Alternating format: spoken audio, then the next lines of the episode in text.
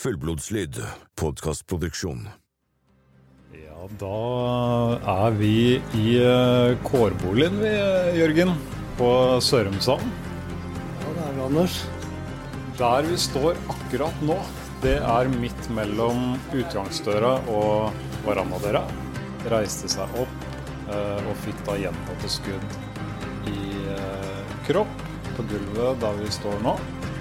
Så kom jo da Anne opp trappa bak oss her, inn på kjøkkenet. Går inn der nå. Du lytter til Hva skjedde i kårboligen? med Jørgen Tadvin og Anders Vegdal Bjerke. Yes, Jørgen. Takk for sist. Da er vi, da er vi her igjen, da. Jo, bare hyggelig. Ja. Sol på skyfri himmel. Deilig enn Ja. så lenge. Ja. Ja. Eh, forrige episode så la vi på en måte litt rammer for de videre episodene. Vi prater litt om rettsvesenet, litt om eh, hvordan rettsstaten fungerer, ikke minst en sånn kjapp innføring om selve ordresaken.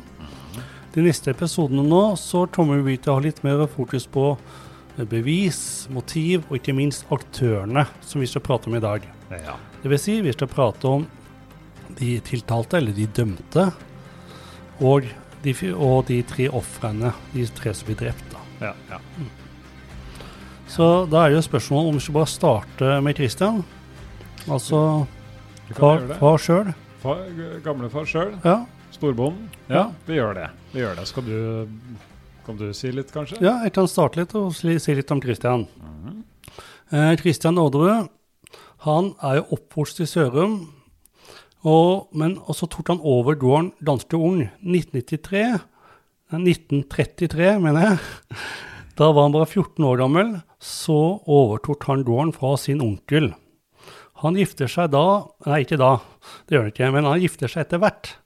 Eh, med Marie Kunne gjort. ja, ja. Med, med, med Marie Lundeberg, som hun heter, men da skifter hun navn til Orderud, hun også, i 1950. Eh, de driver da gården sammen til han blir uføretrygdet i 1980. Eh, men han bidrar også til gårdsdriften etter dette. Men eh, da er det Per Aadrud som overtar som forpakter, og da overtar mest av driften av gården i praksis. Ja. Da jobba han fulltid på gården. Ja. Ja. Eh, I 1990 så blir da, da flytter disse til uh, tåboligen, og man kaller da tåboligen Christianborg. Borg. b- jeg må bare si det, Jørgen, for de som ikke veit hva en kårbolig er. Altså, det, det er jo da snakk om et ekstra bolighus på gården, så fremt man ikke bruker en generasjonsbolig. eh, som da er ment til bruk ved et generasjonsskifte, eh, som da er tradisjonen i, i landbruket. Eh, at uh, avtroppende generasjon fikk kår, som det heter, eh, hos overtakeren, som selv fikk overta hovedbygningen, eller våningshuset, som, som eh, er ofte mye brukt. Og, og kåren, da eh, Ja, eh, kall det en eh, pensjonsordning for å sikre de eldre. Ja, ja, det var bare det jeg skulle si. Ja, nei, men Det var gode innspill, det. Jeg innrømme at jeg hadde ikke helt tålt på det greiene sjøl, jeg. Eh, men det er jo at den, denne tåboligen den ligger jo sånn ca. 200 meter fra gårdens hovedhus, der, eh, og der er der Per eh, bor, da. De siste årene før Kristian ble drept, hadde han og sønnen Per Da var de i strid. Og striden dreide, dreide seg jo om at Per følte seg ikke nok, godt nok ivaretatt i et testamente. Eller i at eh, Ja. Så han, Per, fordi han har bidratt så mye til gård, gårdsdriften og brukt så mye tid, så føler han at han skal eh, bli mer verdsatt eh, ved et arveoppgjør enn det Kristian kanskje tenkte. Ja, for de, de hadde jo en avtale tidlig om at, det, at det bare skulle foreligge en symbolsk sum ved overtakelse. Men når Christian, uh, far, uh, skjønte at det kanskje lå litt mer verdier i eiendommen For hvis man De som har vært der, så ser man jo at Orderud gård er ganske uh, Altså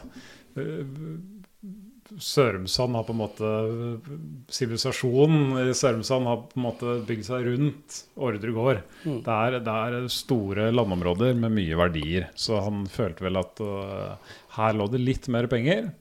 Uh, så han ville ha da litt mer penger fra Per ved en overtakelse. Og så var det da dette med at han ville trekke Anne inn i, i, i testamentet, da. Ja, og denne konflikten er jo såpass uh, sår for begge parter, og så at de har ikke sånn supermye kontakt de siste årene. Så, så sist, uh, ja, det, det, sies at de hadde knapt kontakt siden 1997. Ja. Og, de, sant, og det er jo og det er jo disse eh, Per eh, og Marie og Anne de blir jo drept i 1999. Så det, her er det noen år der som de har ville lite kontakt. Mm. På tross av at de, de, bor på samme gård, 200 meter, bare et lite jorde imellom. Ja. Eh, og da er det sånn at eh, Christian han blir truffet av to skudd mens han lå og sov i senga si, og døde natt til 22. mai 1999, og han var 80 år gammel. Ja. Det var, eh, det var uh, farehuset, Christian. Uh, da kan jeg bare si litt om Marie. Uh, jeg har ikke så mye på henne. Men uh, det var jo da en 84 år gammel koselig, litt sånn bestemor-type, sånn som mitt inntrykk er. Ja, vanlig bondekone. hvor kun godord egentlig har blitt brukt om henne. som da er moren til Anne og Per. Per Christian, men vi kan vel bare si Per framover, så det ikke blir så mye forvirring med navn. Um, som i likhet med mannen da bodde i denne kårboligen. Uh, så kan det jo kanskje være greit å nevne at hun hadde jo et veldig godt forhold til sønnen Per. Uh, så ja, de hadde ikke kontakt, som du sa, de to siste årene. Men, men uh, dette var jo veldig sårt for Marie, for, og det gikk jo begge veier. Marie og, og, og mor Marie og, og, sønn Per hadde et svært uh, tett uh, mor- og sønn-forhold. Uh, tror jeg er greit å si Alltid uh, hun blei drept og han blei dømt for. Ja, ikke sant? Ja, det er, det er, på en måte det som står i alt. Alt av materialet man kan leite om det deres relasjon. At de hadde en veldig god relasjon. Mm. Og så var nok relasjonen til Kristian litt mer betent før også den konflikten. Det er, det er, jo mye som sier at Tristan var ganske hard mot Per. Mm. Og mange av kompisene og vennene til Per Aarderud sier jo at uh, hvorfor lar du på en måte, hvorfor tillater du at far din behandler deg på den måten der? For han, han var nok ganske stri, eh, han Tristan Aarderud, da. Det, det, har blitt sagt. Ja. ja. Han, han, var, han, var, vel litt av den gamle skolen, rett og slett. Ja. ja. Så har vi Anne, da. Ja, så kan si at, eh, Vi kan bare si at nå sa vi at Kristian eh, ble jo skutt med to skudd. Så kan vi jo bare si at Marie eh, hun ble jo truffet av fire skudd da, og døde jo samme natt. Ja. 22. mai 1999. Mm. Ja, Anne eh, Anne vokste jo opp på Orderud gård sammen med sine foreldre, altså Kristian og Marie Orderud, og sin to år yngre bror Per. Hun flyttet hjemmefra når hun var 20 år gammel, og fikk etter hvert jobb som sekretær for forsvarsministeren. Uh, hun gifter seg med Per Paus i 1992, og de har ingen barn sammen. Uh, da ekteskapet Nei, det er for at ettermannen, altså Per, uh, per, Paus, han var jo fremdeles gift når de innleder et forhold. Ja, riktig det. Sant? så, så Oppstarten der var nok litt kanskje knotete. Fordi at han ikke hadde avslutta det forrige forholdet, og så går han inn i et nytt forhold. Men det er ikke uvanlig. Det um, kjenner man jo til. Ja, Men så er det jo sånn fordi det Så, så sies det litt at Anne får litt skylden da, for det ekteskapsbruddet. Eh, og det var nok sårt spesielt for sønnene til Per i starten. Men eh, de, de siste tiden skal, skal, skal, vi bare si Per Paust? Ja, ja vi kan gjøre det. Vi, vi, kommer ikke til å nevne han så mye, nei, men bare sånn at vi, for det blir ja. så mange Per og Christian. Ja, ja. Godt, godt innspill. Nei, det, det, sånn jeg forstått det, så, så, var det sånn at sønnene til Per Paus eh, var, jeg synes det når dette var litt sårt, og naturligvis når på en måte foreldrene skiller seg. Men, men de sier jo at relasjonen til Anne var veldig god, den. Eh, de siste årene iallfall. Så det Men så er det jo sånn at Anne Paus sin mann, Per Paus, han dør av kreft 6. mai 1999. Og kun, og kun uker seinere så blir Anne Paus og hennes foreldre, altså Christian og Marie, drept. Ja. Og hun er da truffet av seks skudd. Et såkalt trippeldrap. Så øh, ja.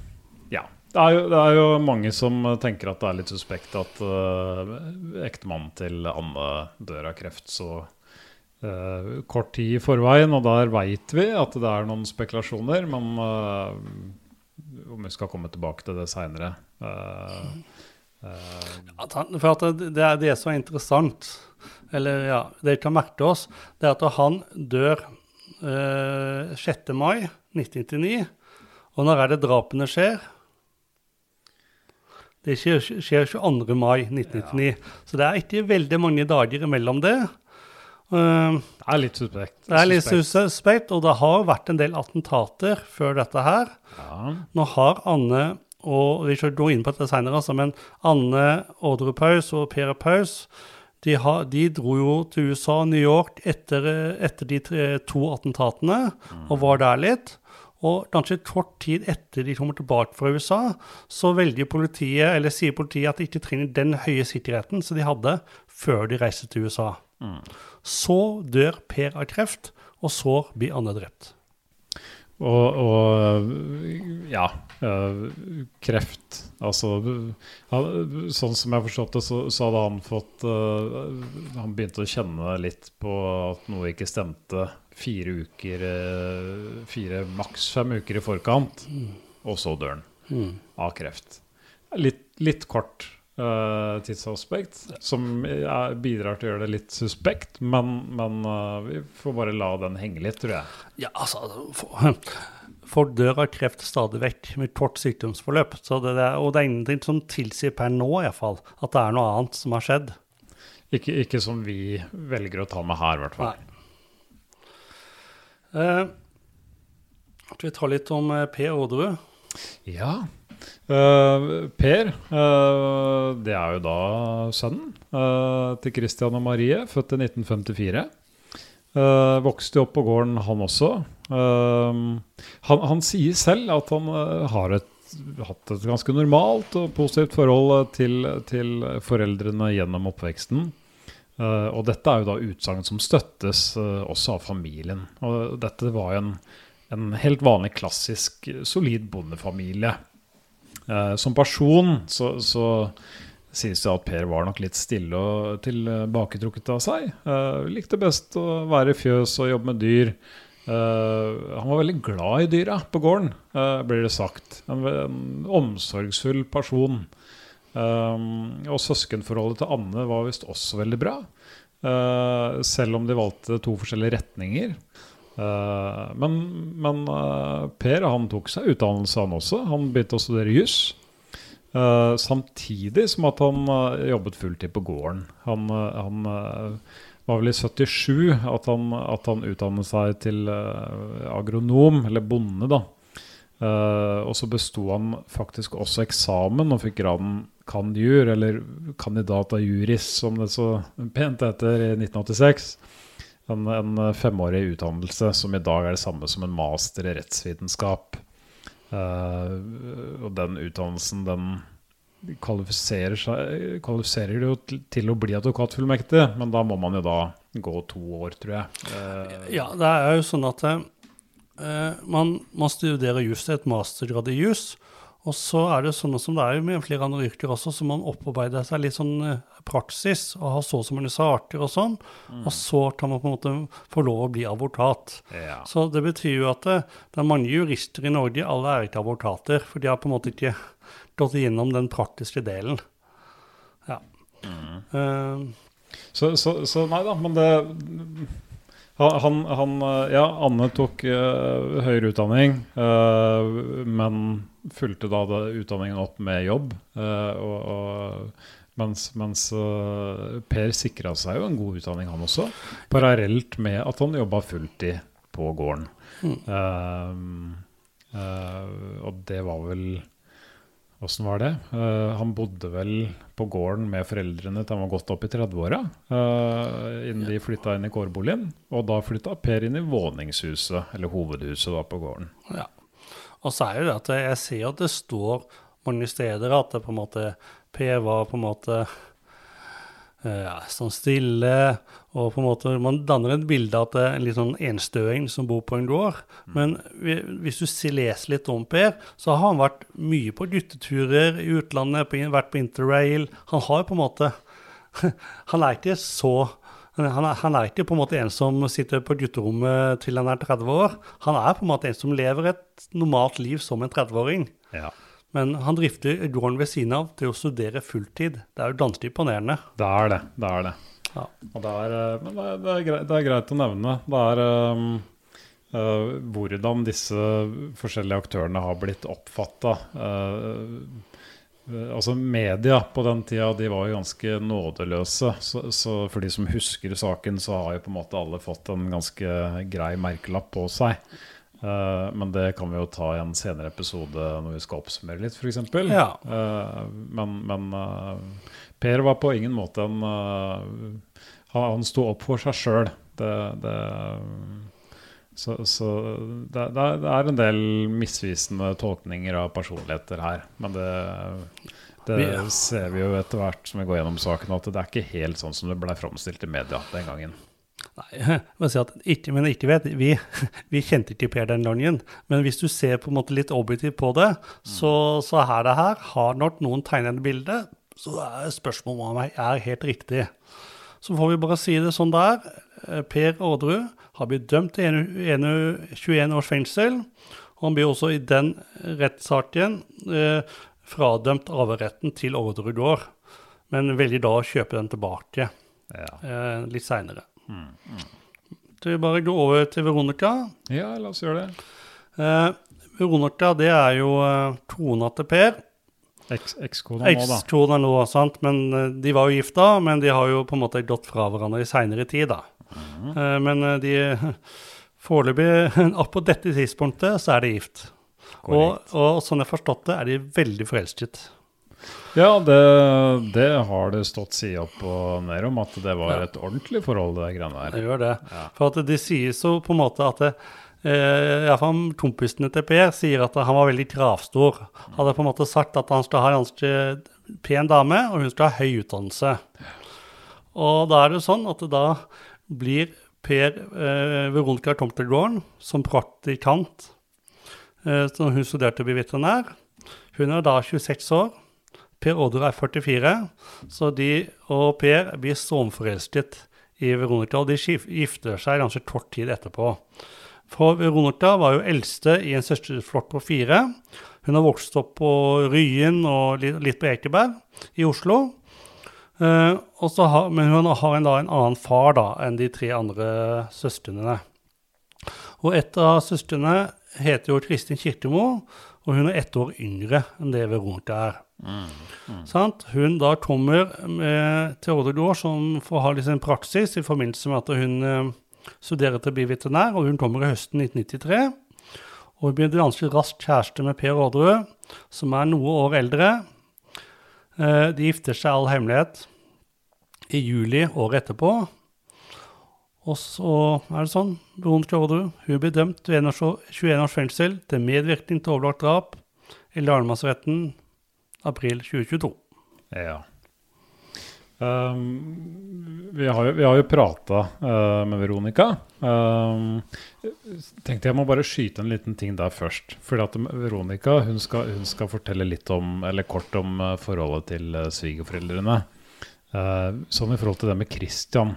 For, for det har jo stått så mye i media om at dette var så turbulent og, og sånn og sånn. Um, det vi må huske på, tenker jeg, da, det er det at eh, Christian, altså eh, den avdøde far, gamle far, han, han var jo av den gamle skolen. Og, og da tenker jeg sånn På den tida uh, når han vokste opp, ikke sant, så var det jo leger, politi, prest. altså Det var liksom autoritetspersonene. Uh, og det var gjerne menn. Eh, og som bonde så, så har man jo mye kontakt med, med veterinær, uh, som ofte også da var mannfolk, ikke sant. Uh, og så kommer det da en kvinne, uh, svigerdatter, uh, inn på gården, som er under utdannelse eller er der på praksisplass for nettopp uh, å bli veterinær. og så har det vel også blitt sagt at hun uh, tusja litt rundt på gården der, litt sånn litt Kanskje litt oversminka med litt smykker og ja, ikke helt sånn typisk bonde bondekoneemne. Men, ja, altså, altså, nå, nå, men det er, nå er ikke alle har kjent i Oslo, men Ekeberg og der hun kom fra, det er et ganske fint sted i Oslo. Ja. Sånn det er på en måte en helt åpenbart en helt annen kultur enn man har ute på Sørum, ja. som er på en måte bondelandet her på Østlandet. Det er ikke langt fra Lillestrøm, men det er, ja. det er, land, det er landsbygda, på en måte. Ja. Så, så, at det var en liten sånn uh, kulturkrasj uh, som, som, alene ska, kunne skape litt sånn uh, Ja, litt sånn, om ikke konflikt, men i hvert fall litt skepsis. Det tenker jeg bare er helt naturlig, egentlig. I hvert fall Skal vi høre litt hva Veronica sier om det? Ja, vi kan gjøre det. Ja. det var ganske normalt. Uh vil jeg tro. Altså, mm. Anne var jo, hadde jo veldig sånn sånn fremtredende og litt viktige jobber i mm. departementet og sånn. sånn at det var ikke Jeg tror det tok ganske lang tid før jeg fikk hilse på henne. For at hun var Jeg hørte jo om henne. Eh, mm. Og så var det vel også noe om henne i noen sånne lokalaviser og sånne ting, tror jeg. Men uh, hun var jo rimelig opptatt og travel. Og så Eh, når hun da ble sammen med Per Paust og giftet seg med han, så hadde jo han liksom tilsvarende viktig jobb og sånn, sånn at de var jo på en måte uh, De var jo ikke så mye på Orderud.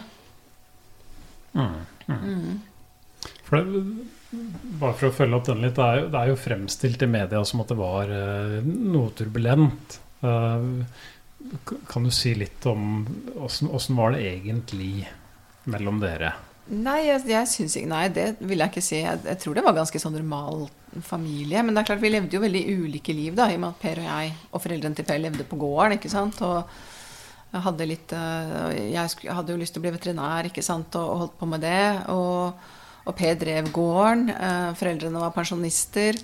Eh, mens som sagt Anne og Per de omgikkes jo politikere og, og liksom litt sånn høytstående mennesker og levde jo et helt annet liv da, ikke sant, med leilighet på Frogner og Sånn at det var jo litt ulike verdener. Men uh, vi traff dem jo gjerne sånn. Du vet hvordan det er i familier. Påske, jul. Det var jo liksom på det nivået. Ja. Og vi, vi, hadde jo en lengre samtale med Veronica. Hun, hun uh, sier også litt om sin egen oppvekst. Skal vi bare høre litt hva hun sier om det også? Og inngangen til åssen uh, kom til Orderud gård? Ja. Jeg vokste opp på Ekeberg sammen med mor og far og tre søsken. Um, det var jo Jeg er født i 72, så det var jo på 70- og 80-tallet. Mm. Uh, det er jo litt annerledes enn barna vokser opp i dag, da. Føler seg jo veldig gammel når du liksom ser hvordan ungene har det nå. Jeg tror det var helt sånn normal oppvekst eh, for den tida. Sånn, eh, jeg hadde ikke for mye penger, og det var ikke noe sydenferier. Og, så, så, det var liksom sånn helt som de fleste vokste opp på den tida. Da. Og farmor var skredder og sydde klær til oss. Og, men du vet, det var ikke, jeg kan ikke huske at det var noe erting eller mobbing, eller noe sånt, for de fleste andre hadde sånn òg. De fleste mødrene var jo hjemme, ikke sant? så de sydde gjerne klær til ungene, de òg. Liksom. Mm. Så ja, og vi hadde jeg husker jo liksom julegaver, så var det gjerne sånn strikka strømper og sånn. Det var jo ganske nedtur når du var eh, unge, det må jeg bare si. Men uh, jeg tror det er sånn for de fleste som er like gamle som meg. så var, altså Norge har utvikla seg ganske så enormt på, på den korte tida jeg har levd. På et tidspunkt, uh, Veronica, så, så, begynte du å utdanne deg til veterinær. Um, hvordan havna du akkurat på Ordre gård? Den historien tror jeg har dratt mange ganger. Det var helt tilfeldig. Det var fordi at uh, vi gikk til tannlegen på Sørumsand fordi at det var noen uh, venner gjennom sånn hundemiljø som var tannleger der. Så, og så måtte jeg jo ha praksisplass uh, til Veterinærhøgskolen. Og da var det tannlegen da, som kjente Per Rudre. Så, så det var helt tilfeldig. Ja, takk til, eh, takk til Veronica. Um, vi kan jo bare hoppe rett videre vi, på, på neste dømte. Det er da Veronicas halvsøster, uh, Kristin Kirkemo, som er født i 1973. Uh, vi kan jo si litt, uh, si litt om hvem hun var. Må vel si var, for hun var jo Ja. Um, altså Familiært da, så var det vel hun som hadde nærmeste forhold til, til faren sin. Eh, det var én ting. Eh, og som barn og ungdom så, så omtales hun jo gjerne da som litt eh, vill og vilter. ja, og, men hun spilte jo fotball og, og, og, aktiv jente. Men ting begynte å skjære seg litt. Det blir vel ja, Vi har hørt litt forskjellig, men, men men allerede fra tolvårsalderen eh, så, så eh, har vi hørt at hun har begynt å eh, vanke litt i belasta miljøer. Etter hvert som hun blei eldre, så valgte hun å la seg avbilde i noen blader vi, som har levd en stund. Husker jo både cocktail og lek, f.eks. Um, og så, i 1995, så fikk hun en sønn som heter David. Kristin sier selv i retten uh, at hun begynte med amfetamin uh, i 1996. Uh, og det er godt mulig at det stemmer, Eh, men jeg tenker at det er ikke så vik viktig for historien akkurat når hun begynte å skeie ut. Eh, men hun sier i hvert fall at hun rusa seg på amfetamin helt fram til hun ble varetektsfengsla i, uh, i Orderud-saken. da. Eh, og sånn i forkant da, så kom det jo noen bekymringsmeldinger ganske tidlig. Eh, faren eh, Sverre eh, han tilbød seg jo da å ta vare på David en stund. eh, faktisk helt fra tilbake til da sønnen bare var et par år gammel. Um, så, så han var ganske striks mot Kristin. Uh, Ønska at hun skulle være nykter eh, når, når hun skulle møte sønnen. Eh, så det ble ikke så mange møter som, som eh, Kristin hadde håpet på, da. Nei, så kan vi jo si det at eh, eh, at ja, Kristin eh, s- studerte å bli frisør, men fullførte på en måte ikke den utdanninga. Men så er det jo sånn at eh, Kristin eh, sin forklaring den ble jo vektlagt veldig mye i, i, i, eh, i retten. Så mye av de andre eh, domfelte, altså Per, Veronica og Lars, de er på en måte dømt på Kristin sin forklaring. Ja. Ja. Um, ja, hva mer skal vi si om Kristin? Um, hun, jo, jo, altså sånn i forhold til at det ikke var så mye kontakt da med sønnen som hun ønska, så, så, så var hun mye på ordre gård. Uh, hun har jo selv uttalt at det nærmest ble et fristed for henne, fordi Veronica var litt mer rund i kantene der. Eh, og tenkte at så lenge de var til stede og sånn, så, så kunne det være en arena hvor hun kunne møte sønnen. Og ja, det, det, hun, hun var vel der tre-fire ganger i uka, uh, ifølge henne selv, uh, siste året. Så kom det jo til et punkt da, hvor hun uh, flytta inn med Lars Grønnerød, som vi snart uh, skal si litt mer om, i 1997. Uh, et forhold da som skal ha vart fra våren, eh, eller til våren 99, sånn cirka. da. Det er ikke så farlig akkurat eh, når. Eh, vennskapet skal ha, eh, i hvert fall fram til rettssaken, så, så, så var det i hvert fall et godt vennskap som de var sammen på slutten eller ikke. Det er ikke så farlig. Um, så var det da under rettssaken at det kom en del anklagelser eh, mot uh, Grønnerød. Eller litt sånn fram og tilbake, som satte en stopper for dette vennskapet, da, som jeg var inne på i stad. Um, ja, jeg vet ikke det er, det er jo mer å si om Kristin her. Hun gifta seg jo med Per Haukeland i 2000 og sånn, men jeg tenker at det kanskje ikke er så viktig. Uh, men uh, Kristin har jo aldri lagt skjul på at hun har hatt et nært forhold til den norsk-jugoslaviske mafiaen. Um, og dette deler hun da selv i, i sin selvbiografi 'Fanget og fri'. Eh, for nå er det jo en gang sånn at uh, hennes sønn, uh, faren John, han var en uh, del av dette miljøet. som ikke gjorde at hun bare ble inkludert i miljøet som venn, men nå som familie. Hun blei da bl.a. Ofte observert på dette utestedet Baron og Baronessen, som de sier at mafiaen styrte. da. Det er jo det de sier, at på 90-tallet så var det denne norsk-jugoslaviske mafiaen som nærmest styrte hele uh, hele kriminelle uh, undergrunnsmiljøet i, i, i Oslo. Um, og er vel, hun er vel den ene som har blitt observert der òg, men det, ikke, det kan vi ta senere. Um, det som er litt uh, interessant uh, Bodil, da, moren til Kristin, hun, hun uh, lot seg intervjue i, i Brennpunkt for noen år tilbake. Uh, hun kunne fortelle det, at uh, når hun var på besøk hos uh, Kristin Eller hos disse mafiafolka, rett og slett, da, så, så, var det som om hun var i en mafiafilm. Det er sånn hun legger det fram. Det var mye trafikk hele tida. Folk kom og dro i fine biler. litt sånn Gudfaren-opplegg, nærmest. Menn som var samla foran huset. Kvinner og barn bak, skjerma bak, bak i hagen. Og når Kristin ble gravid, så var det som at det var denne mafiaen som overtok, ifølge moren. De ga henne penger til det meste og hjalp til med alt. Uh, og når moren hun var jo, hendte at hun var med ut på byen sammen med Kristin, så kom de alt inn på alle restauranter, og uansett hvor de kom, så som hun sier, champagnen, den sto klar.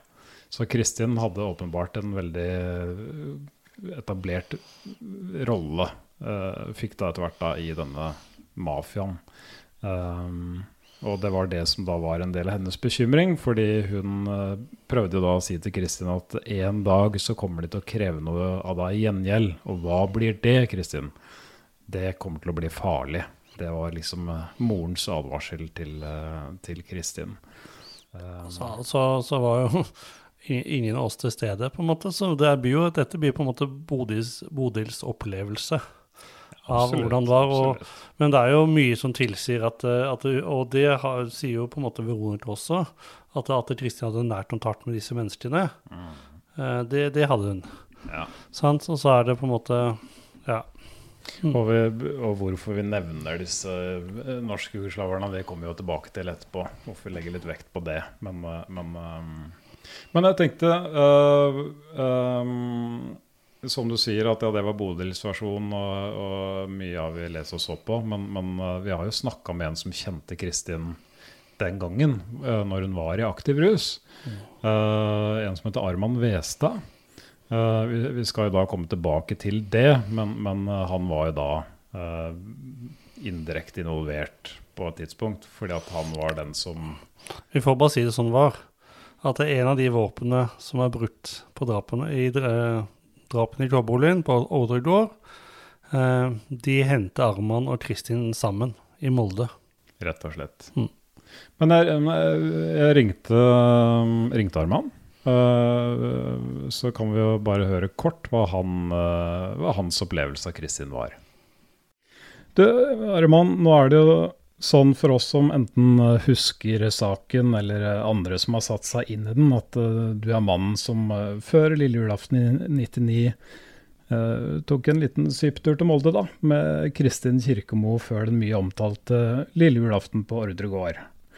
du som kjente Kristin den gangen, åssen var hun egentlig? Um, ja, jeg ei livlig, snill eh, jente eh, som hadde var litt lik som den gjengen som vi var en del av. Vi var glad i folk, likte å feste. Eh, men eh, jeg husker òg at hun hadde variert, variert humør, da, sånn som vi også flest andre hadde. Eh, litt i forhold til rusinntaket som vi, som vi hadde, da. Ja, Så, så, så det, var, det, var, bare kort litt om hva, hva Arman kunne si om uh, Kristin den gangen. Ja, så får vi bare beklage at lydkvaliteten på akkurat dette opptaket er til det beste. Det blir Men- som det blir. Ja. vi, vi måtte nesten ta det per telefon. Mm. Ja. Men uh, Veronica prata vi med uh, selv. Hun hadde også litt å si om Kristin som barn og ungdom. Skal vi bare kjapt høre hva hun også sa for noe? Du, du vokste jo opp eh, med din eh, halvsøster Kristin. Mm. Uh, nå er det sånn at vi kun stort sett kjenner henne gjennom media. Men vil du si litt om hvordan Kristin var som ungdom? Um, ja, hun var litt sånn I hvert fall sånn i oppveksten og sånn. For at hun eh, Hun havna vel ganske tidlig litt sånn utpå, på en måte. Sånn at jeg, sånn ungdom så husker jeg ikke så mye. For jeg var jo liksom den som eh, var skoleflink og opptatt av å, å ta gymnas og, og liksom holdt på med mine ting, da. Så, og da var hun allerede flytta.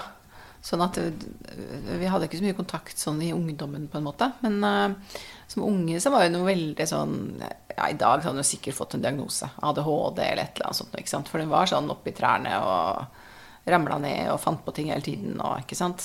Det var liksom en sånn, sånn type unge, da. Ja, så, men dere hadde en god relasjon i barndommen? Eh, ja, altså ganske sånn normal, vil jeg si. Det var sikkert eh, mye krangling òg. ja, jeg tror det var sånn eh, Det var sånn normalt søskenforhold, tror jeg. Ja. Ja. Og da hadde en god relasjon i, i voksen alder også?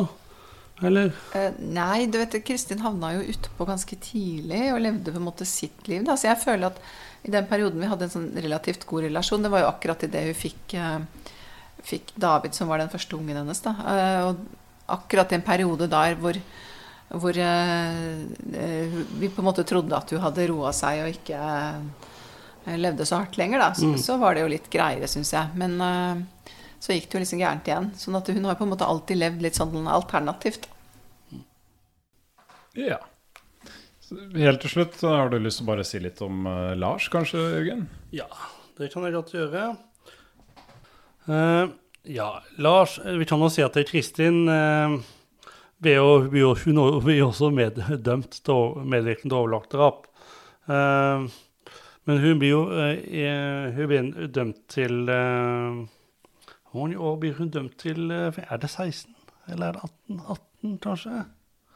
Ja, Da husker jeg ikke helt hvor mange år hun blir dømt til. eh, 16 år, jo. Det er 16. 16 års fengsel blir Kristin dømt for. Og så må vi bare si det, hun, hun blir jo dømt for atten- bombeattentatene i, i herresretten. Men i lagmannsretten så blir hun frikjent. Ja. Lars eh, Lars, han er en bærumsgutt. Eh, han har vært litt på utveksling i USA eh, under videregående. Eh, og han forklarer at han aldri har drevet med en organisert skyting, men han har på en måte interesse for våpen. Eh, og den er- interessen det var han fikk når han var på utveksling i USA. Eh, og så, etter militæret, jobbet han da ett år i Tyskland, før han jobbet en periode i dagligvarebransjen. For familien hans de hadde da en eh, dagligvareforretning. Og det var kanskje tanken at han kanskje skulle arve, overta driften der etter hvert. Eh, Etter dette så hadde han ikke noe fast arbeid, men ble jo del ganske i ung alder, eh, del i et kriminelt miljø.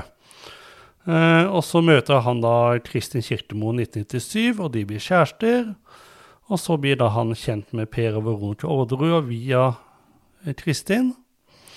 Eh, ja, det er på en måte veldig kort om Lars. Og det er jo det man Nå er det jo sånn at vi skal prate om dette litt seinere. Men, men, men eh, Lars' involvering i denne saken, den eh, har man tolka litt ulikt i forskjellige retts, rettsrunder. At eh, i første rettsrunde så, så tolker man kanskje at hans involvering var mer av den uaktsomme delen. At han, han, han var, hadde en prefer rolle og skjønte kanskje ikke hva det innebar. Men der man tenker i lagmannsretten at han har hatt ganske mer bevisst og, og hans handlinger, det, det er gjort med vi kaller overlegg, da. Sånn, Han har hatt et eh, han har skjønt hva det innebærer. Men nå er det sånn at vi har jo prata med en som kjente Lars i ungdommen. Ja, det kan jo være interessant å bare høre det. Ja. Uh, uh, det var ikke lett å få tak i alle disse menneskene jeg har prata med, men, men, uh, men vi var heldige å, å, få tak i en som heter Ole, som kjente Lars litt på 80-tallet. la oss høre litt på det. Jeg hadde en fetter som bodde ute på Fornebu, og nærmeste nabo var Lars og broren hans. Så jeg hang litt med disse gutta sånn av og til. De var litt eldre enn det jeg var. Men det var jo tre hva skal man si for noe, playboyer fra beste vestkant Snarøya. Og vi kjørte biler og kikka på damer og Av og til så møttes kryssa mine veier, Lars sine veier, eh, på en måte. Jeg eh, Husker du om cirka tidsepoke? Ja, det må ha vært, eh, det må ha vært omtrent rundt ca. 84-85, noe rundt der. Ja. Uh, ja, den epoken er sånn. Og disse gutta var vel som vanlige karer, egentlig. De drakk og røyka litt, og så dreiv de med litt sånn røyka vel litt weed, da. Det var vel det som var eh, litt sånn gjengs på, på den tida der. sånn. Det var ikke, noe, var, ikke noe, var ikke noe, mer enn det. Men jeg husker at det, jeg tror i hvert fall mener at, uh, at, Lars han tok en litt lenger ut enn de andre gutta. Altså Han var litt mer Kan du si Han tålte litt mer og ville ha litt mer. Mm. Og så var det vel etter en slags sånn uh, ryggoperasjon som han fikk noen problemer uh, med noe smertestillende. Jeg tror det også vippa han litt i retning av at han måtte ha rett og slett litt sterkere dop. Ja. ja. Fordi dette var jo en kjøpmannsfamilie fra Snaria hvor alt var pent og fint og utsikt, og det var søndagsmiddager, og alt var liksom på stell. Men han var kanskje litt uryddig i denne familien, da. Og så havna han vel borti dårlig selskap. Men jeg husker han fra den tida. Kjørte rundt i en Golf, uh, selvfølgelig. Kabriolet. Store solbriller opp og ned Frognerveien, f.eks. Uh, han hadde ikke så jævla mye hår på toppen, men, uh, men han uh, Nei, han var en pikenes Jens også. Vi var sammen i et bryllup, husker jeg, hvor jeg hadde han Det vil si det var vel en ekskone som hadde den til bords. Han satt litt bortforbi. Han var en Nei, han var en Ja, unnskyld. Han var en Nei, han var en fyr som som, som kunne blende inn overalt. Han, jeg tror han hadde en ganske stor sosial intelligens, rett og slett. Ja, ja. Mm. Yes. Ja, takk til, uh, takk til, Ole. Da har vi vært igjennom eh, alle aktørene. Vi har det, Jørgen. Ja. Uh, og da tenkte vi at nå, nå skal vi begynne å uh, se litt nærmere på ekteparet Anne og Per Orderud Paus. For de, de, er jo på en måte en veldig viktig brikke i dette her. Å forstå gjerne kalle Orderud-mysteriet. Mm. For det er så mye løse tråder her. Så for å forstå Orderud-saken bedre, så må man dytte inn i det ekteparet der og deres jobb. Og da er det jo disse attentatene som vi nå kommer til å prate en del om. Mm. For man tenker da ikke sant, at det kan være politisk motivert. Mm. Uh, for eksempel. Ja. Men uh, ja, som sagt. Uh, ekteparet Paust, ja. Vi har, vi, har, vi har, jo vært litt innom uh, Anne, Jørgen. Men hvis vi skal si litt om begge uh, Har vel kanskje blitt nevnt, men at, at uh, Paust jobbet i utenrik, Utenriksdepartementet og Anne som sekretær i Forsvarsdepartementet. Nå er det jo sånn da at jobbene til begge i utgangspunktet var upolitiske. Men uh, på en annen side så var de jo tross alt knytta til en politisk virksomhet gjennom politikerne som styrte departementene de jobba for. Uh, per Paus på sin side han sto også veldig sentralt i arbeidet med å få fjerna illegale håndvåpen f.eks. fra gatene i Oslo, uh, og narkotika. Uh, og dette her var jo faktisk direkte med på å finansiere krigen på Balkan. Som vi straks skal komme litt nærmere tilbake til. Um, Nei, for det, det, er på en måte like etter arbeidstid, i, ju, i juli 1998, så går alarmen på krimvakta i Oslo. Det er funnet en bombe, bombelignende gjenstand, under bilen til eh, sekretæren, fra sekretæren til forsvarsministeren, Anne Odrepaus. Ja, Mm.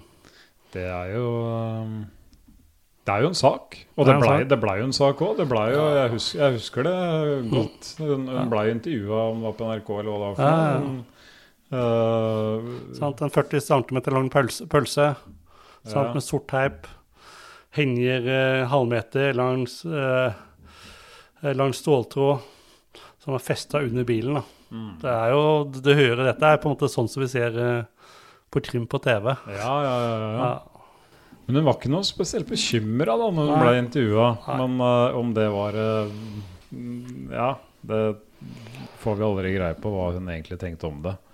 Um, men uansett eh, Mindre enn en måned etterpå så, så var det dette andre attentatet med, hvor leiligheten ble forsøkt sprengt eller brent. Uh, Ja, eller, sant? eller sannheten er at det, det, er, det er bensin i gangen, og det er propan utover døra. Ja. Og så får man på en måte Skal dette være bare en trussel, eller eh, er det hensikten at dette skal gå i lufta? Nå tyder jo nå det er, Hvis det bare er en trussel, så, så er jo det en ganske risikabel trussel å gi. Ja, Men, men, eh, men, men, da, da må jeg bare si en ting. For jeg, te, jeg tenker at den uh, dynamitten Mm. Ja, man uh, Den isolert sett så kan man godt uh, Kunne man godt tolke at ja, det kunne vært en trussel. For at da var jo Fengeta bl.a.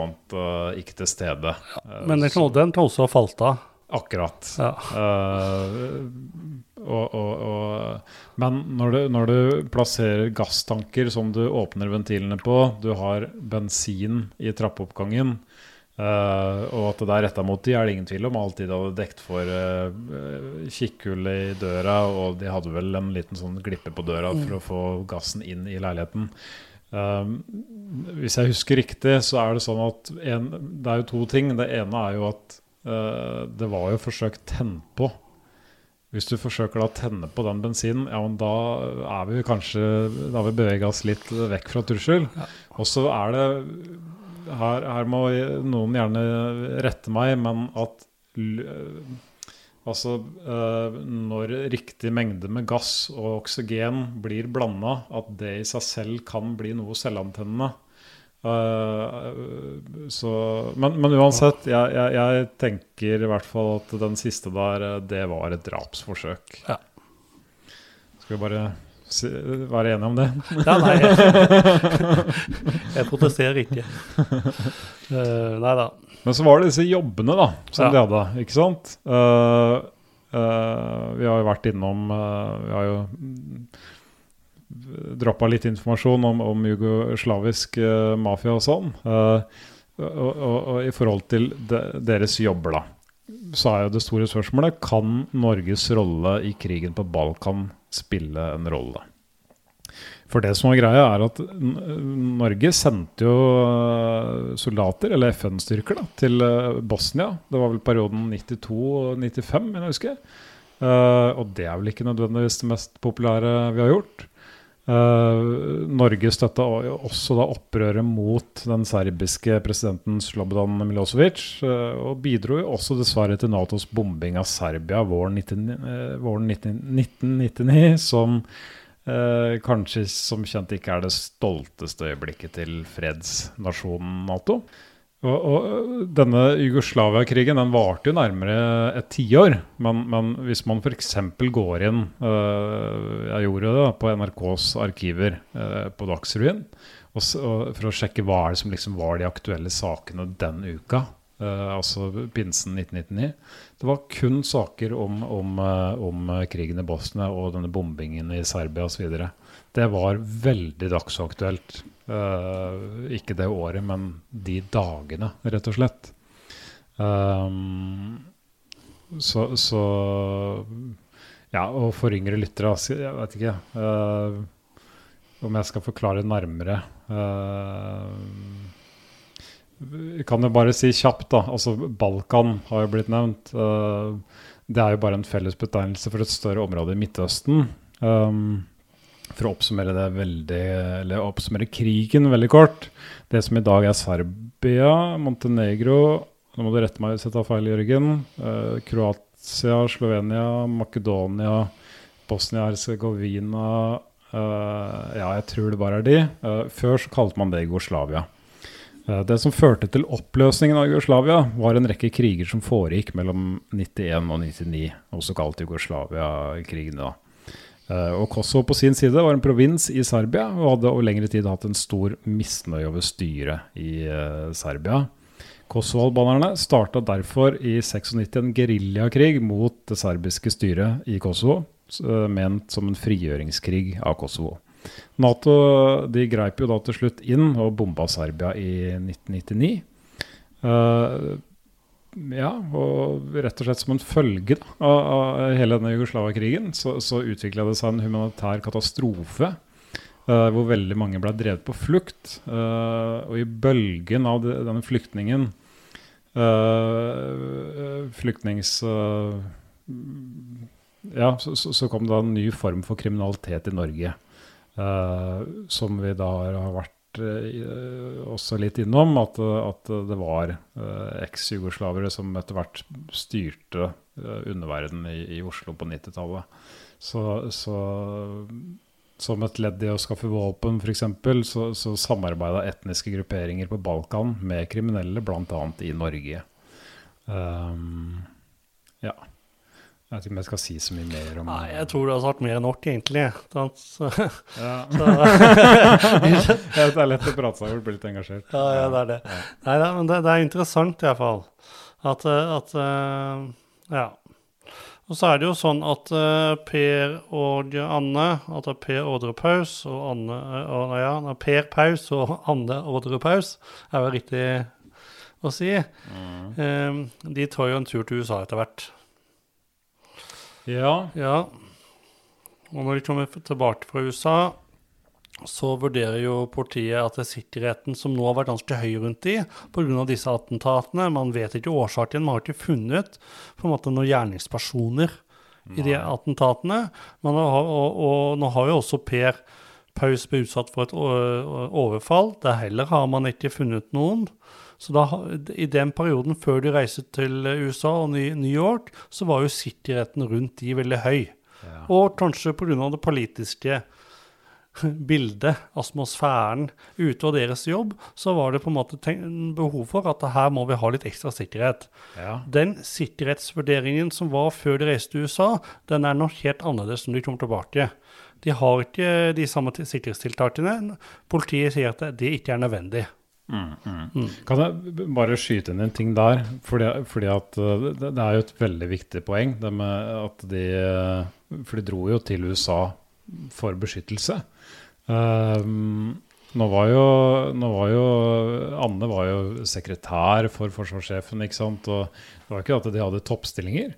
Uh, men, men nå var det jo en gang sånn at uh, Bondevik, uh, Kjell, Magne Bonde, Kjell Magne Bondevik, som var statsminister på den tida, han, han ble jo sykemeldt etter en del trusler. Forsvarssjefen fikk mange trusler på seg, fikk livvakter. Um, og, det, og det var jo da fra dette eller kosovo-albanske miljøet, da. Uh, og da er det jo kanskje lett, hvis man skal tenke de baner der, da, for dette er jo én av flere teorier, at, at uh, når da disse kommer De har søkt tilflukt i, i USA, kommer tilbake, ting har roa seg litt.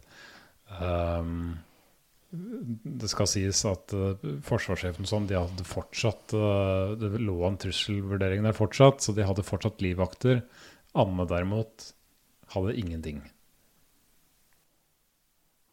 Nei.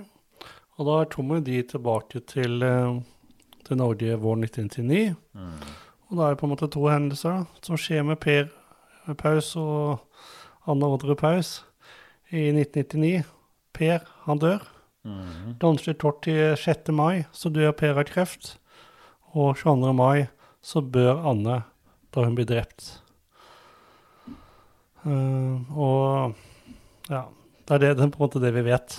Ja. Det er egentlig sånn Det er på en måte eh, ja, ringen eh, sluttet. Eh, og vi vet ikke om overfallet av Per, om, de hadde noe, om det var tilfeldig. Vi vet ikke om attentatene har noe Er det på det politisk gjøre? Nå har vi jo på en måte nevnt at det har vært en gårdskonflikt. Har det noe med gårdskonflikten å gjøre? Vi vet ikke. Men det er jo på en måte mye som gjør at man kan begynne å stusse, iallfall. Absolutt. absolutt. Ja. Yes. Um, Da var det litt om eh, litt politikk. det var litt om politikk og, og noen uh, teorier som, eh, som mange er litt nysgjerrige på. Ja. Um, Og, og sånn, sånn som lytterne, de, dere skjønner at vi må belyse akkurat dette her når vi skal prate om Orderud-drapet. For det er såpass spesielt. Sant? Ja. Eh, Den politiske situasjonen rundt i det eh, Rundt eh, Ja, eller politisk situasjon i Norge på det, dette, i dette tidsrommet. Og ikke minst at eh, de har de jobbene de har, og de er utsatt for de attentatene de har. Så, så når, når, det, når dette, eh, dette drapet skjer eh, 22. mai 1999, så, så kan vi ikke på en måte ikke hoppe, hoppe bort over akkurat dette her. Det er litt sånn, sånn det er, da. Og, og nå tenkte vi at det, vi må nesten bare eh, gå til eh, kjernen i det hele. Vi må egentlig bare prate om de drapene som har skjedd. det kan vi godt gjøre, Jørgen. Ja. Og da kan jo jeg for så vidt eh, bare, bare fortelle litt sånn om det døgnet.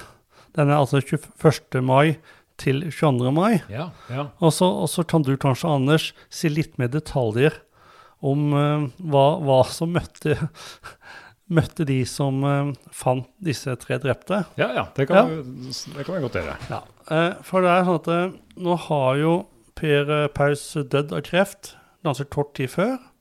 Så, så, så Angivelig av kreft. Ja, ja, sant. Eller Ja. Nei, jeg skal bare tulle. Ja. ja. Nei, men det, det, er jo, det er jo fort å tenke det, da. Men, men vi tenkte han dør av kreft. Eh, man kan jo tenke sitt om det. Eh, men det er jo ingen annen som tilsier at det, det var jo iallfall kreft. Det er jo det er bom, bombebein. Ja, ja. Eller hva det heter. Det er bannabein, heter det. ja. ja.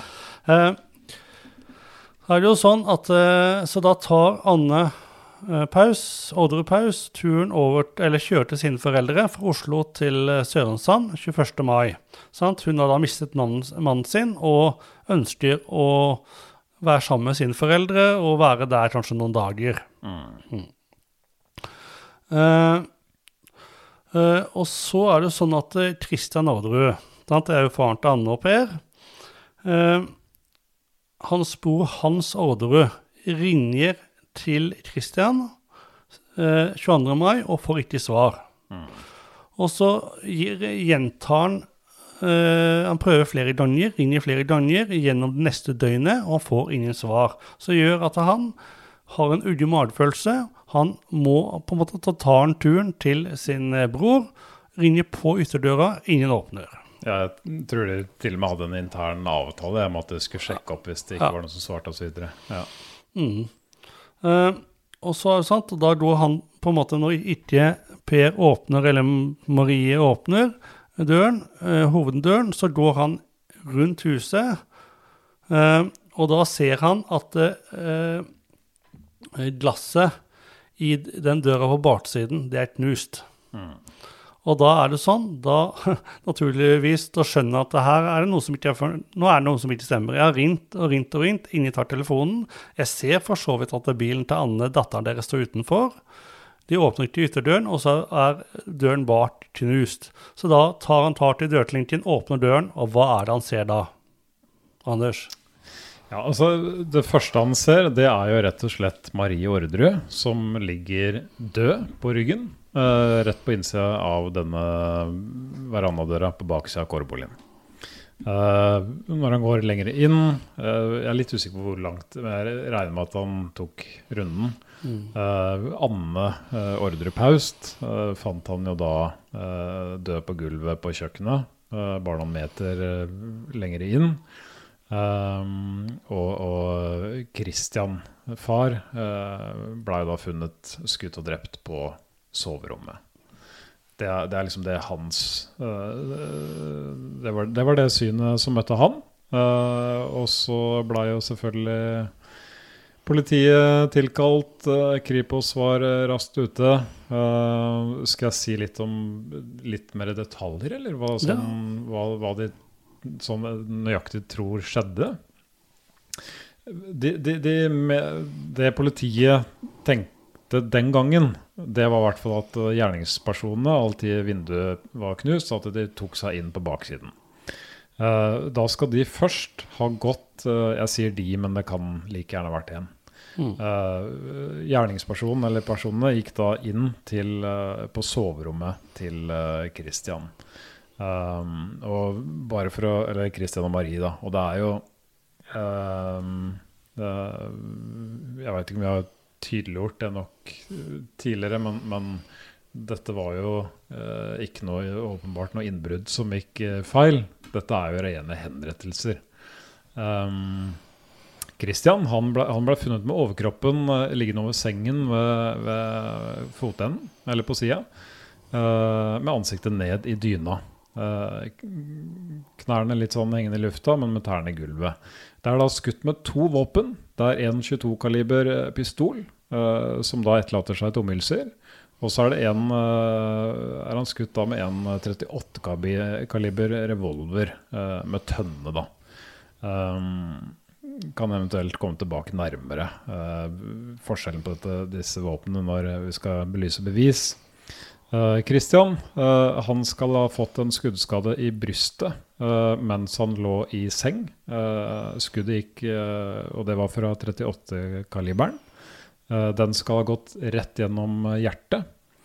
Eh, så han skal ha dødd momentant. Men allikevel så har han på et tidspunkt blitt flytta ut, eller blitt dratt ut av senga og lagt på sengekanten. eh, og fått da avslutningsvis et eh, nakkeskudd med en 22-kaliber. Um, så gikk um, gjerningspersonen, eller personene da, over på andre siden uh, mot uh, der Marie lå. Um, hun blei da først skutt liggende i seng, uh, også med en 38-kaliber. Um, og en revolver er jo da veldig kraftig i forhold til pistol. Uh, de fleste kjenner kanskje til det, men, eh, men vi kan komme tilbake til disse pistolene senere, som sagt. Eh, det som er greit å si, da, at ingen vitale deler ble truffet hos Marie, så hun overlevde dette første skuddet, eh, utrolig nok. Skal da ha klart å karre seg opp av senga. trolig observert ektemannen, som, som da var død. og, og kommet seg ut. Men før hun gjorde det, så har Anne klart å komme seg fra underetasjen hvor hun lånte soverom. Uh, mest sannsynlig pga. noen noe lyder, da. Uh, hun blei da Hun kom til syne i, i soveromsåpningen. Uh, blei forsøkt skutt etter, så det blei funnet et prosjektil i veggen. Hun rømte da mot kjøkkenet. Uh, så Marie blei jo da inntil videre liggende. Eh, gjerningspersonen eller personen løp etter Anne. Hun eh, kunne ta til venstre, valgte å dra, gå til høyre uh, i kårboligen. Uh, tanken er vel da at hun Det er jo spekulasjoner, men at om hun da skulle søke tilflukt under kjøkkenbordet, eller om hun hadde planer om å løpe ut ved verandadøra og hoppe ned derfra, det er det ingen som veit. Det er ikke så viktig heller. Uh, men hun blei jo uh, Blei jo da skutt to ganger. Eh, Det er dramatisk. ja, det er veldig Jeg sitter veldig her og hører på det, Anders. Og det er på en måte at man kaller det henrettelser, det som skjer nå. det er på en måte, det, Dette må nesten være definisjonen på henrettelser. Ja. sant? Det høres kanskje litt sånn Når jeg går gjennom det nå Vi har, altså dette, vi har, har jo vært gjennom dette så mange ganger, Jørgen, så, så det høres kanskje litt sånn uh, Nei, følelsesløst å bare si det sånn. men det var jo sånn det var, da. Det var Det, var, og det er jo sånn politiet lagt det fram, og, og det, er, det, er, det er på en måte ikke noe tvil. Det er, er, eh, er noe, noe, noe, noen detaljer som man er litt uenig i. At det politiet, Dette er jo på en måte politiets versjon. Og så sånn som Tore Sandberg som vi prater om, de har jo på en måte sydd dette sammen litt annerledes, men at det- henrettelsene skjedde sånn som du forteller nå, det er på en måte alle enige om, da. Ja, for det er jo tekniske funn som, som beviser det, da. Ja, men man tenker jo da at Anne eh, har forsøkt å gå i dekning eh, på kjøkkenet, eventuelt eh, søkt flukt mot denne terrassedøra eh, på kjøkkenet som mål for å kanskje hoppe ut derfra, eller ja, det veit vi ikke. Men hun ble i hvert fall jaga i den retningen. Uh, her ble hun uh, skutt fire ganger. Uh, hun ble også truffet en gang med 38-kaliber revolver. En kule som gikk tvers gjennom. Den fant de vel faktisk på rettsmedisinsk. Falt ut av noe, natt, no, noe nattkjole der. Eh, etter at hun segna om på gulvet, så fikk hun avslutningsvis et nakkeskudd, hun også, på kloss hold med en eh, 22 kalibers pistol. Eh, så er det jo eh, Marie, da, som, eh, som eh, mest sannsynlig på det tidspunktet her har, har eh, i mellomtiden eh, observert Christian, kommet ut, sett at nå er det noen på kjøkkenet, eh, ser Anne på gulvet. For da istedenfor å løpe ut, så har hun i og med at hun ble funnet på ryggen, så har hun da snudd seg mot kjøkkenet. Um, og det er jo her da at eh, hun uh, fikk noen skudd uh, i kropp. Uh, ble liggende på ryggen. Hun fikk også et skudd Alle har fått ett skudd hver av 38 kaliber. Um, men men uh, hun ble også da forsøksvis uh, skutt i, i nakke, dvs. Si hals, da, i og med at hun var på ryggen, med, med 22 kaliber. Uh, men traff heller ikke her noen vitale deler, så hun blødde vel rett og slett i hjel. Forhåpentligvis så ble hun bevisstløs med en gang, men, men eh, hun døde da noen timer etterpå. Eh, bare lyst til å si det her før vi eventuelt glemmer det i eh, eh, en senere anledning. Det har jo blitt framstilt som at det har vært en eh, som har skutt vilt rundt seg med en 22-kaliber, og så har det gått en iskald eh, bak eller foran alt ettersom med en 38-kaliber.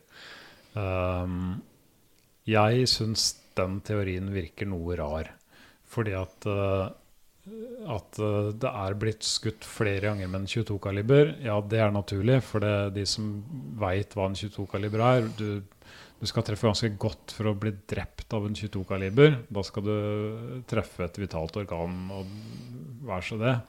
Men, men ehm, eh, husk på at her var det også litt mørkt. Det var jo dunkel belysning, som vi sier. Eh, og mest sannsynlig så var, så var alle lys avskrudd på, inne på kårboligen, så man ser jo ikke så godt heller.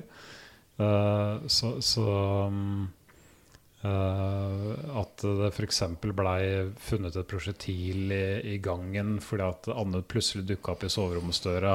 Eh, Altså, jeg, jeg, jeg, I mitt hode så, så er det helt naturlig at det er skutt flere ganger med 22-kaliberen. Eh, også fordi at den hadde flere skudd. Colten, eller det de tror var en Colt av det som i hvert fall var en, eh, en 38-kaliber revolver, den hadde Jeg tror at den eh, typen der har eh, seks skudd i kammeret. Uh, før du da går inn i en sånn setting, så ja, du kan godt ha med deg flere magasin, ferdig lada magasin med 22-kalibre, men du står ikke og bruker tid, mest sannsynlig, med hansker og knoting og kanskje mister noe på gulvet og etterlater deg spor. Så, så det at noen da har skutt færre skudd med 38-kaliberen, tenker jeg er naturlig, samtidig som at eh, denne personen som visstnok da har flydd litt sånn eh, eh, desperat rundt, som det har blitt fremstilt i media, det er den personen som har iskaldt gått og gitt hver enkelt et nakkeskudd. Og det tenker jeg egentlig kanskje motbeviser den teorien om at, at det er en som en, en iskald morder og en som ikke helt uh, Ja, for, for nakkeskudd er gjort av 22-kaliberen. Ja.